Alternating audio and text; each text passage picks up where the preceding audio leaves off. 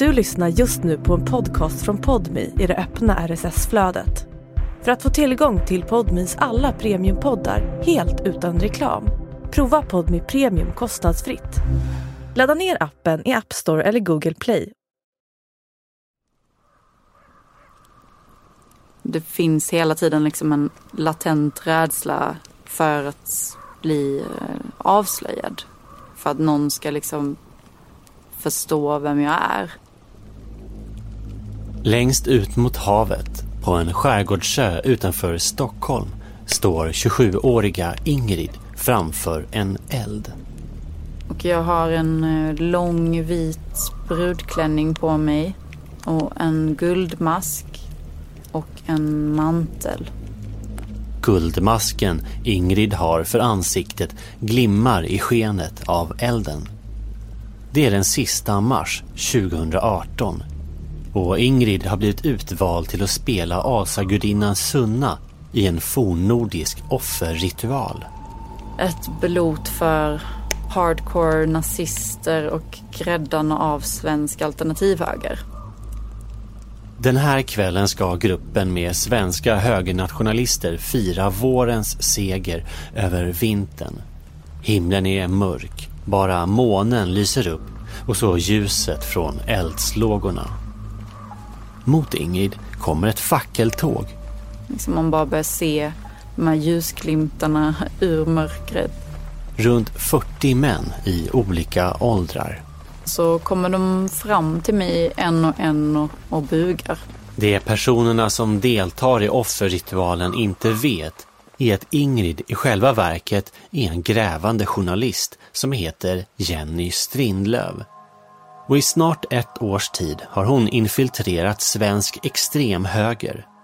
Rörelsen som hatar judar, mörkhyade och homosexuella och som kämpar för ett etniskt vitt Sverige. Genom sin karaktär Ingrid kommer Jenny allt längre in i extremnationalisternas krets och bjuds in till fester och middagar i deras hemliga högkvarter och dokumenterar med dold kamera. Rädslan för att bli avslöjad, den är ju kanske hundra gånger större när man har en dold kamera på sig. Samtidigt börjar högt uppsatta medlemmar bli misstänksamma. Han frågar om han ska ta min jacka och jag säger att nej men jag behåller den gärna på för jag tycker det är lite kallt. Och han bara, ja för det är där i du har eh, liksom den dolda inspelningen.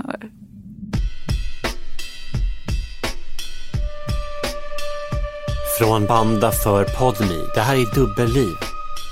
Jag heter Hugo Lavett. Det här är Jenny Strindlövs historia.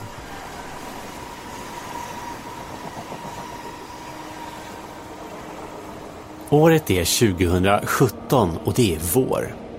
27-åriga Jenny har nyligen lämnat hemstaden Malmö för jobb på ett filmproduktionsbolag i Stockholm.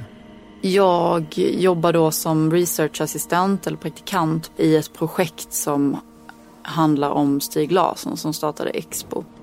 Jenny är nyutexaminerad journalist och ska arbeta med en dokumentärfilm om journalisten och den antirasistiska stiftelsen Expos grundare Stig Larsson.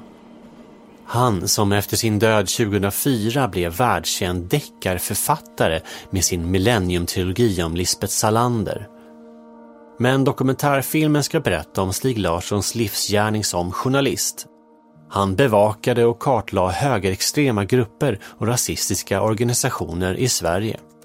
Då så läser jag in mig ganska mycket på ämnet och gör ganska mycket research och dyker på då vid ett tillfälle en, eh, en konferens som ska hållas i Stockholm. En internationell högerextrem konferens. Konferensen väcker Jennys intresse. Flera internationella talare ska hålla anföranden. Och tanken väcks att Jenny skulle kunna gå i Stig Larssons fotspår och försöka ta sig in på konferensen för att kartlägga hur den högerextrema miljön ser ut idag. Tanken var att jag skulle ha en dold kamera på mig när jag gick in där och att ja, men lite kika efter personer som kunde knyta an till de personerna som jag tidigare hade läst om som Stig Larsson hade kartlagt långt tidigare. Eftersom planen är att Jenny ska gå till konferensen undercover resonerar Jenny och produktionsbolaget om vilket namn hon ska uppge i sin anmälan. Jag vet inte ifall de kommer på något sätt kontrollera det med legitimation eller någonting. Jag har ingen aning om hur det går till på sådana events. Lösningen blir att Jenny anmäler sig med sitt andra namn, Ingrid. På så vis är det inget problem om hon skulle behöva visa legitimation. Platsen för konferensen är hemlig in i det sista. Tidigt på morgonen samma dag som den ska äga rum får Jenny ett sms till den mobil som hon uppgett som Ingrids. I meddelandet står det att konferensdeltagarna ska mötas på Hötorget. Hon funderar på hur hon ska känna igen dem som hon ska möta upp. Det är en solig dag i början på maj och jag ser ju direkt när jag kommer upp från tunnelbanan på Hötorget. Alltså ett stort gäng på torget. Och jag, ja, jag vet inte, man, man bara ser att ja okej okay, det här är mitt gäng. Och jag känner också igen någon eller ett par stycken som är liksom lite så här halvkändisar i den världen om man ska säga. När de flesta är på plats promenerar de i samlad trupp till en anonym konferenslokal i närheten. Och det är ja, men, ett väldigt så här städat event till det yttre. Inga bomberjackor och, och liksom kängor, inte den typen av personer. Det är väldigt mer så här Uppsala student-look på de här männen än vad jag trodde. Själv har Jenny tänkt på att klä sig diskret. I rollen som Ingrid undviker hon starka färger, stora smycken och kraftig sminkning. För att jag vill inte synas så mycket. Eh, och sen kan man säga att jag, jag sticker ju ändå ut eftersom att jag är kvinna där. Och eh, den stora majoriteten av alla som är där är män. Någon legitimation har Ingrid inte behövt visa. Hon minglar runt och försöker hälsa på så många som möjligt och presenterar sig bara med förnamnet. Jenny har tänkt ut Ingrids bakgrundshistoria. Jag säger att jag bor på Möllan i Malmö, vilket vid tillfället då stämde.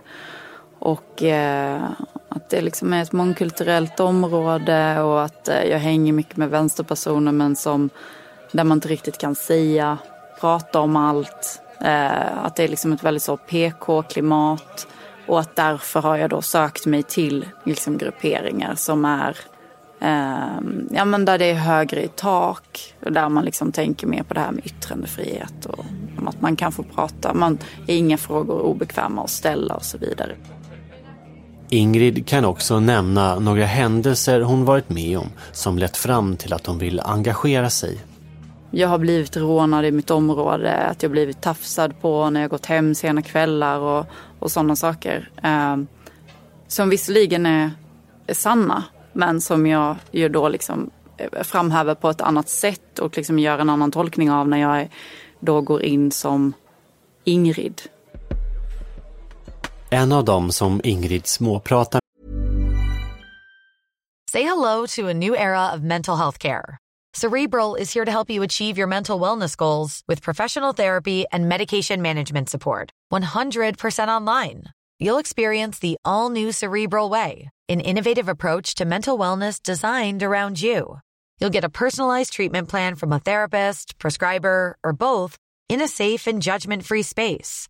Your cerebral therapist or prescriber will outline a customized plan with clear milestones along the way so you can get to feeling your best. With Cerebral, you're not alone in your mental health journey.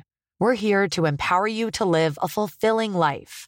So take that first step towards a brighter future and sign up today at cerebral.com slash podcast and use code ACasts to get 15% off your first month. Offer only valid on monthly plans. Other exclusions may apply. Offer ends July 31st, 2024. See site for details. Ryan Reynolds here from Mint Mobile. With the price of just about everything going up during inflation, we thought we'd bring our prices down.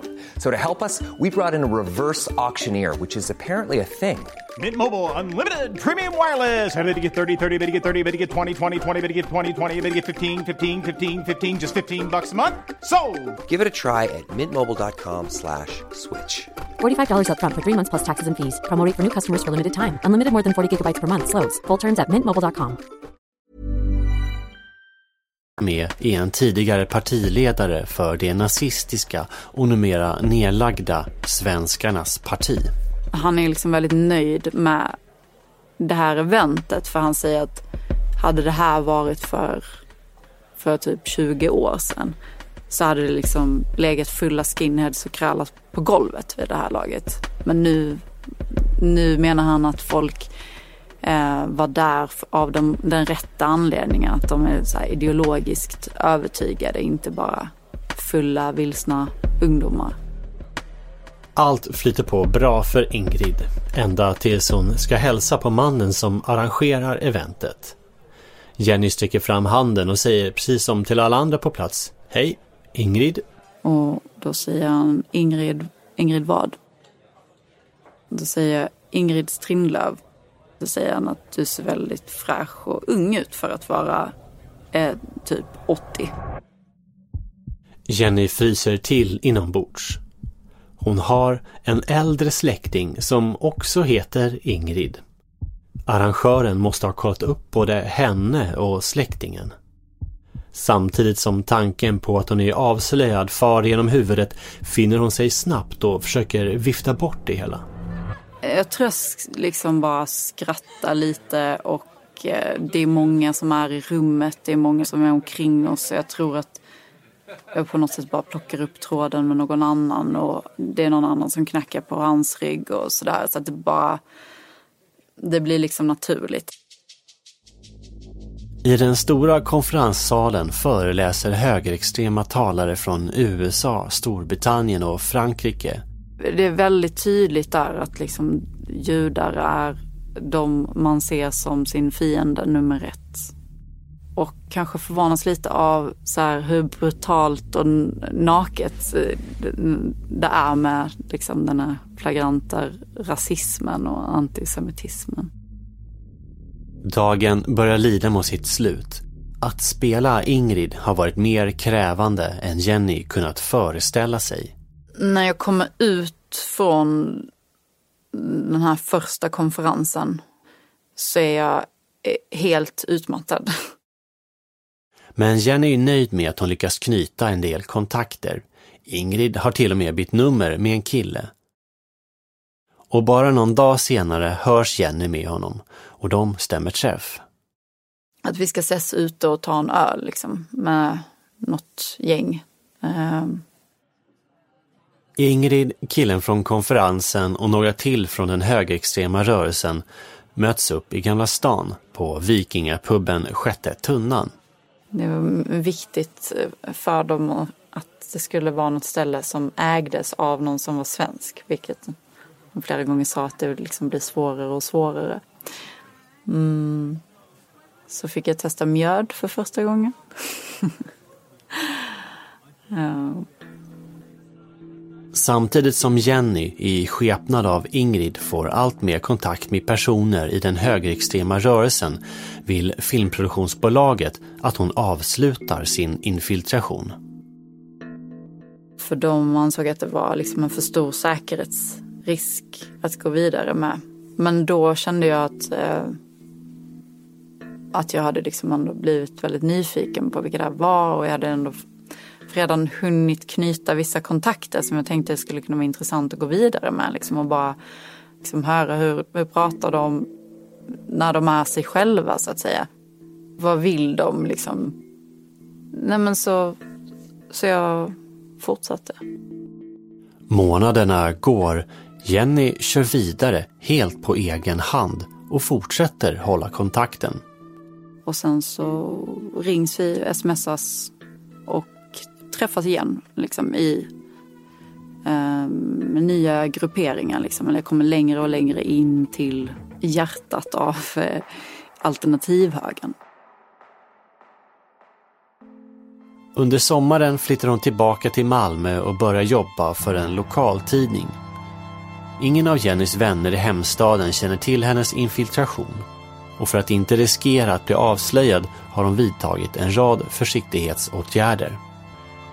Vid det här laget så har jag bytt namn på Facebook så att man inte ska kunna söka upp mig på mitt vanliga namn på Facebook. När folk frågar om jag har Facebook så säger jag att jag eh, tog bort det för typ något år sedan för att jag tycker inte om tanken på att det lagras en massa information om mig. Så, och det är det ju många som kan förstå. Då och då åker Jenny upp till Stockholm och den första träffen på Sjätte tunnan följs av fler. Jag tror att jag är ute med dem ett par gånger innan jag blir då uppbjuden till högkvarteret. Det som kallas för högkvarteret är en stor paradvåning på Södermalm. Här träffas personer ur Stockholms vitmaktmiljöer för att nätverka och diskutera. Och tre av killarna som Ingrid börjat umgås med bor i våningen. Det är en kväll i början av september första gången hon går dit. Redan i dörröppningen in till våningen ligger ett föremål som får henne att haja till. En, en jättestor yxa precis vid ingången. Eh, som de säger är för hemmets självförsvar.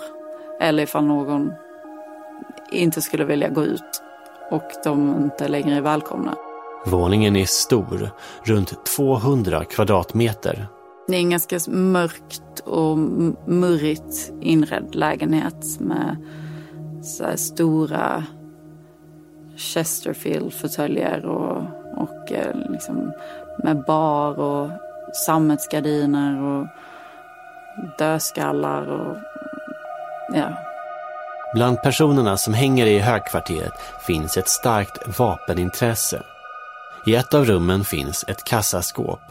Där förvaras en pistol plus en del andra vapen, berättar en av männen för Ingrid. Så vet jag också att det är flera som har knivar på sig. Ingrid kommer att bli en återkommande gäst i högkvarteret. Hon är en av få kvinnor. Men jag kommer in här som ny tjej, lite ensam och vet inte, känner typ ingen. Har inte hängt med den här typen av personer innan och vet inte så mycket om det här med extremhögern. Den typen av liksom, tankegods. Liksom. Och då finns det ju tacksamt nog väldigt många män där som jättegärna förklarar allt. Det blir januari 2018. Jenny har hållit på med sin infiltration i nästan åtta månader. Under hösten som har gått har hon kontaktat SVTs Uppdrag granskning för att se om de kan vara intresserade av hennes material och kontakter. Och nu, i början på det nya året, inleds ett samarbete. När det här började så, så var ju Jenny, eh, eller Ingrid var redan inne i, i, i den här miljön. Det här är Hans Petersson Hammer, vid den här tiden producent på Uppdrag granskning. Kärnan där var ju att här finns det en, en lägenhet i Stockholm där, där högerextremister träffas eh, och har ett stort intresse för, för vapen. Och det såg vi ju inget annat sätt att be, liksom belägga än att komma in i den miljön. SVTs grävprogram gör ett avsnitt om den svenska alternativhögen och håller på att öppet intervjua några av de personer som Jenny lärt känna. Men med hjälp av karaktären Ingrid kan Uppdrag granskning nu få tillträde till den mer dolda och hemliga sidan av alternativhögen. Det här var killar som eh, var ganska eh, både intresserade av att sprida sitt, eh, sitt, sitt budskap Eh, men i vissa lägen försiktiga. Eh, men om det var någonting som de var, tror jag, svår, sårbara för så var det en, en, en ung kvinna som var intresserad av vad de höll på med. Det fanns en viss eh, fåfänga i att, att berätta om vad de kunde. När Hans Petersson Hammer och SVT kliver in i projektet utrustas Jenny med dold kamera. Hennes uppdrag är att filma inne i högkvarteret. I och med det blir säkerheten extra viktig. Det är inte så att alla där var farliga på något sätt men det fanns ett par stycken som, eh, som hade skulle jag säga, ett ganska gott våldskapital. Och hade använt det, alltså var dömda för våldsbrott och så. Första gången Jenny ska använda den dolda kameran är på en fest som Ingrid blivit inbjuden till. Det kändes väldigt annorlunda. Det kändes liksom anspänningen eller så var ju mycket större. Liksom den här rädslan för att bli avslöjad. Ingrid anländer till festen klädd i en svart skjorta. I ett av knapphålen sitter den lilla kameralinsen med en sladd som går ner till själva apparaten som hon satt fast i byxlinningen. Alltså trots att jag hade en svart skjorta med svarta knappar så kände jag ju ändå att ser inte den där knappen lite väl misstänkt ut? Alltså kommer någon se att den, just den knappen har inga trådar som går igenom den? Sen varje gång de tittade ner lite liksom, så tänkte man tittar de nu på knappen? För de var också ganska så eh, nojiga av sig. Vi ville bara hälsa er välkomna och på Nordiska Alternativ Högers vägnar och Högkvarterets vägnar som alltid är väldigt generösa med att uh, ge oss utrymme för att hålla våra matfester på oss. På gatan utanför högkvarteret finns Hans, redo att rycka ut om Jenny skulle slå larm. Jag sitter först ihop med en fotograf i en parkerad bil utanför. Och så en bit bort hade vi kontakt med säkerhetsfolk som, som, som vi visste kunde komma på bara alltså, någon minut.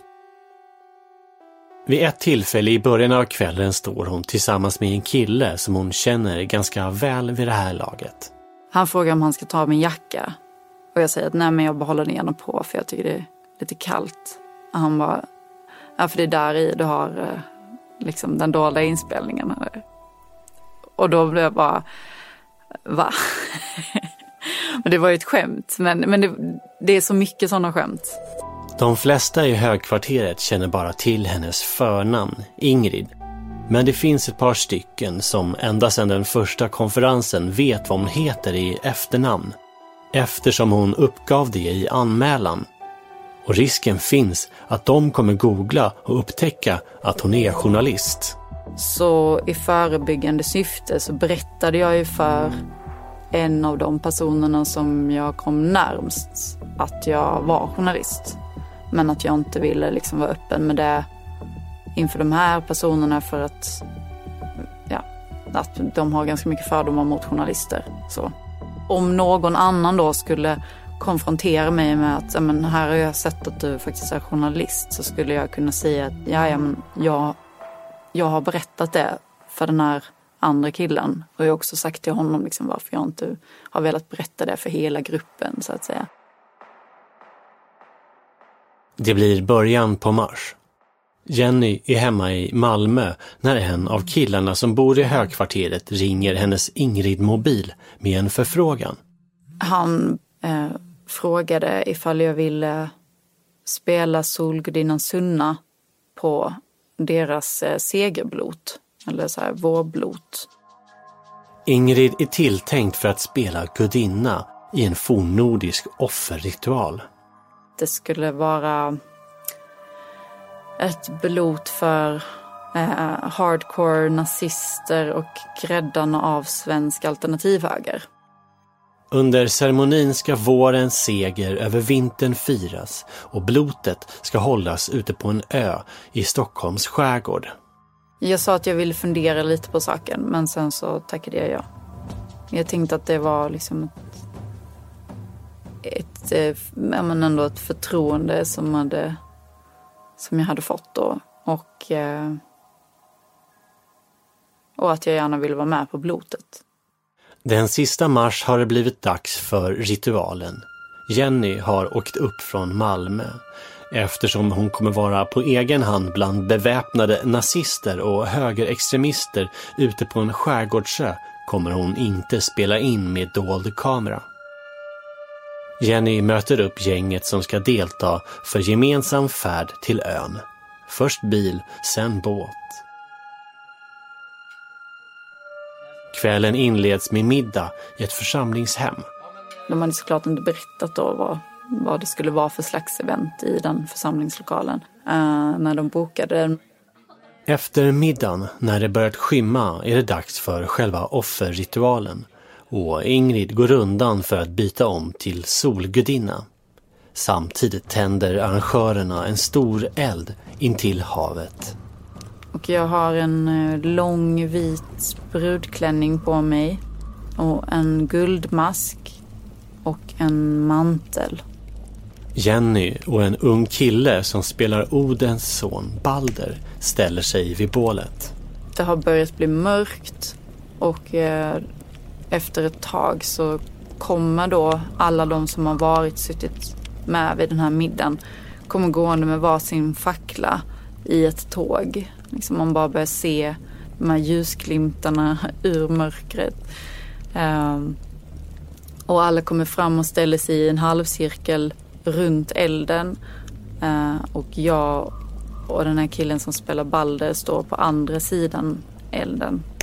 Mitt emot dem är ett 40-tal personer. Nästan bara män och någon enstaka kvinna. En efter en går de och kastar in så brev till orden eller böner eller offer till då den här asaguden. Och sen så skriker de liksom, ärad vare orden och eh, ärad vare Sunna. Och sen så kommer de fram till mig en och en och, och bugar. Efteråt blir det fest i församlingshemmet. När klockan passerat midnatt är det dags för hemfärd. Resan till Stockholms innerstad kommer att ta två timmar. Jennys medresenärer, förutom chauffören, är fulla, högljudda och utrustade med kniv. Och jag kommer ihåg att jag försökte låtsas sova mot rutan när vi åkte hemåt men att eh, det skränades väldigt mycket i bilen och, eh, och att, det, att det var en av killarna som frågade om jag hade något judiskt blod i mig för att jag liknade en judisk skådespelare. Ja, men jag kommer ihåg att det var ganska obekvämt att sitta där i baksätet med dem på vägen hem den kvällen. I maj 2018 har det gått ett år sedan Ingrid gick på sin första högerextrema konferens. Under tiden som gått har hon kommit nära personer inom rörelsen på ett sätt hon aldrig kunnat föreställa sig. Men hon brottas med känslan av att vara oärlig. Det är ju ett eh, liksom, otroligt svek att komma människor nära. Jag menar, det är en sak när man inte känner folk, men liksom när man börjar lära känna människor och de berättar saker i förtroende och sånt. Då, då känner man sig som en riktigt usel människa när man bara trampar på allt det. Ändå fortsätter Jenny infiltrationen. Ingrid blir inbjuden till en ny konferens som ska hållas på Folkets hus i Alvik i Stockholm. Hon tackar ja och beger sig dit utrustad med den dolda kameran. Jag tänkte på morgonen att jag skulle sätta den dolda kameran i min väska, i en handväska. Men att jag ångrar mig och tog den i då, den här skjortknappen i, i, i skjortan istället. På tunnelbanestationen möter hon upp några av dem hon lärt känna under året som gått. Ett säkerhetsteam från SVT sitter i en bil i närheten. Redo att rycka ut om det skulle behövas. Jag är alltid lite nervös när det är väldigt mycket folk. När jag inte har liksom kontroll över vilka som är där så att säga. Men jag tror också att jag är lite mindre nervös nu än vad jag har varit tidigare. För det har jag ändå varit så pass många gånger när um, och, och nu har jag ändå trots allt liksom lärt känna vissa personer väldigt bra. Så då är man mer kanske en självklar del där som inte behöver ifrågasättas. Nu dyker jag ändå liksom upp med mitt lilla gäng. Det hålls några föreläsningar. Sen blir det paus. Jenny står och småpratar med en ny person när en av killarna hon lärt känna väl kommer fram till henne. Han säger att kom Ingrid, vi går ut och tar en cigg. Och jag säger bara, nej, men, nej tack, jag vill inte ha någon cigg. Och han bara, mm, jag tror vi går ut och tar lite frisk luft i alla fall. Och då bara känner jag att okej, okay, nu är det någonting som inte riktigt är som det ska. Och jag följer efter honom och vi går liksom tysta ut. Och eh, där utanför så står då tre andra killar som jag har lärt känna under det här året. Och som det vanligtvis är liksom avslappnat med och så. Jenny har den dolda kameran i knapphålet. De tre killarna har radat upp sig i en halvcirkel. Hon har ingen aning om hur mycket de vet. Och den äldsta killen som bor i högkvarteret säger till mig när jag kommer ut, vad heter du? Den äldsta killen fortsätter fråga. Han vill veta var hon bor och vilken adress. Han säger att en fågel viskade i mitt öra att du är journalist. Sen vill han titta i Ingrids väska. Jag vill inte visa min väska men han, han insisterar liksom på att få se min väska. I väskan finns både minneskort och batterier. Jenny hoppas att de ligger någonstans längst ner. Så jag öppnar min väska och försöker liksom att bara själv med handen liksom plocka lite bland grejer för att visa honom att det inte finns något konstigt där. Så jag bara tar upp något läppstift eller några sedlar. Eh. Stämningen är på helspänn. Är Ingrid avslöjad? Jag märker ju att hans hjärta liksom bultar lika mycket som mitt.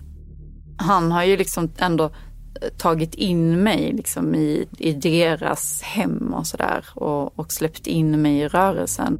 Men mot alla odds och med hjälp av att i ett års tid ha spelat Ingrid lyckas Jenny hantera situationen. Jag vet inte exakt hur det går till men jag snackar mig ur det här på något sätt och det slutar med att han ber mig om ursäkt och eh, säger att liksom, jag är som en syster för dem. Så liksom, han tror på mig och att, ja, att jag inte flackade med blicken och att han bara känner att jag talar sanning. Killen som har konfronterat Ingrid ber henne följa med in igen. Men det vill jag absolut inte. Och jag säger ju också det liksom att det känns som en ganska hotfull situation. Och att jag därför inte är så sugen på att följa med tillbaka just nu. Liksom, att vi kan höras någon annan dag. Um, och sen så går jag därifrån. Och då vet jag ju att jag aldrig kommer komma tillbaka. Att det är sista gången vi ses. Jenny skyndar till närmaste tunnelbanestation och ringer till säkerhetskillarna som finns i närheten. De kommer direkt och väl inne i bilen känner sig Jenny både omtumlad och lättad. Det känns skönt att inte behöva låtsas längre. För det är ändå... Eh, jag tycker det är jobbigt att vara... Att känna mig oärlig. Så. Infiltrationen är avslutad och Jennys dubbelliv är över. En tid senare kommer momentet när Jenny ska ringa upp dem hon fört bakom ljuset och berätta vem hon är och vad hon har gjort. Men som tur var, eller vad man ska säga, så är det inte så många som eh, vill prata med mig då. För då vet de ju också redan. Det är ju ett, ett där Ingrid skapar nya relationer. Alltså det finns ju en förtrolighet och en vänskap där som är både farligare och svårare. Att infiltrationen fungerade under ett helt år och att Jenny lyckades komma så nära imponerade på Uppdrag granskning-producenten Hans Petersson Hammer. Alltså, och det tror jag handlar om att bygga en, en trovärdig karaktär.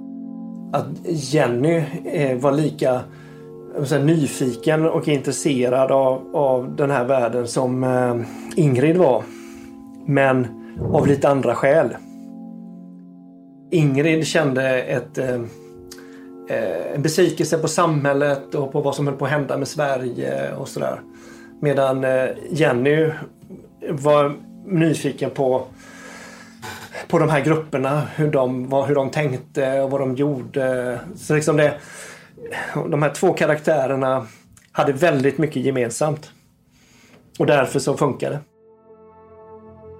Det har snart gått fem år sedan Jenny klev ut från konferensen i Alvik och lämnade rollen som Ingrid bakom sig. Under den första tiden efteråt brottades hon med känslan av att ha svikit dem hon infiltrerade. Och delar av den känslan bär hon fortfarande med sig.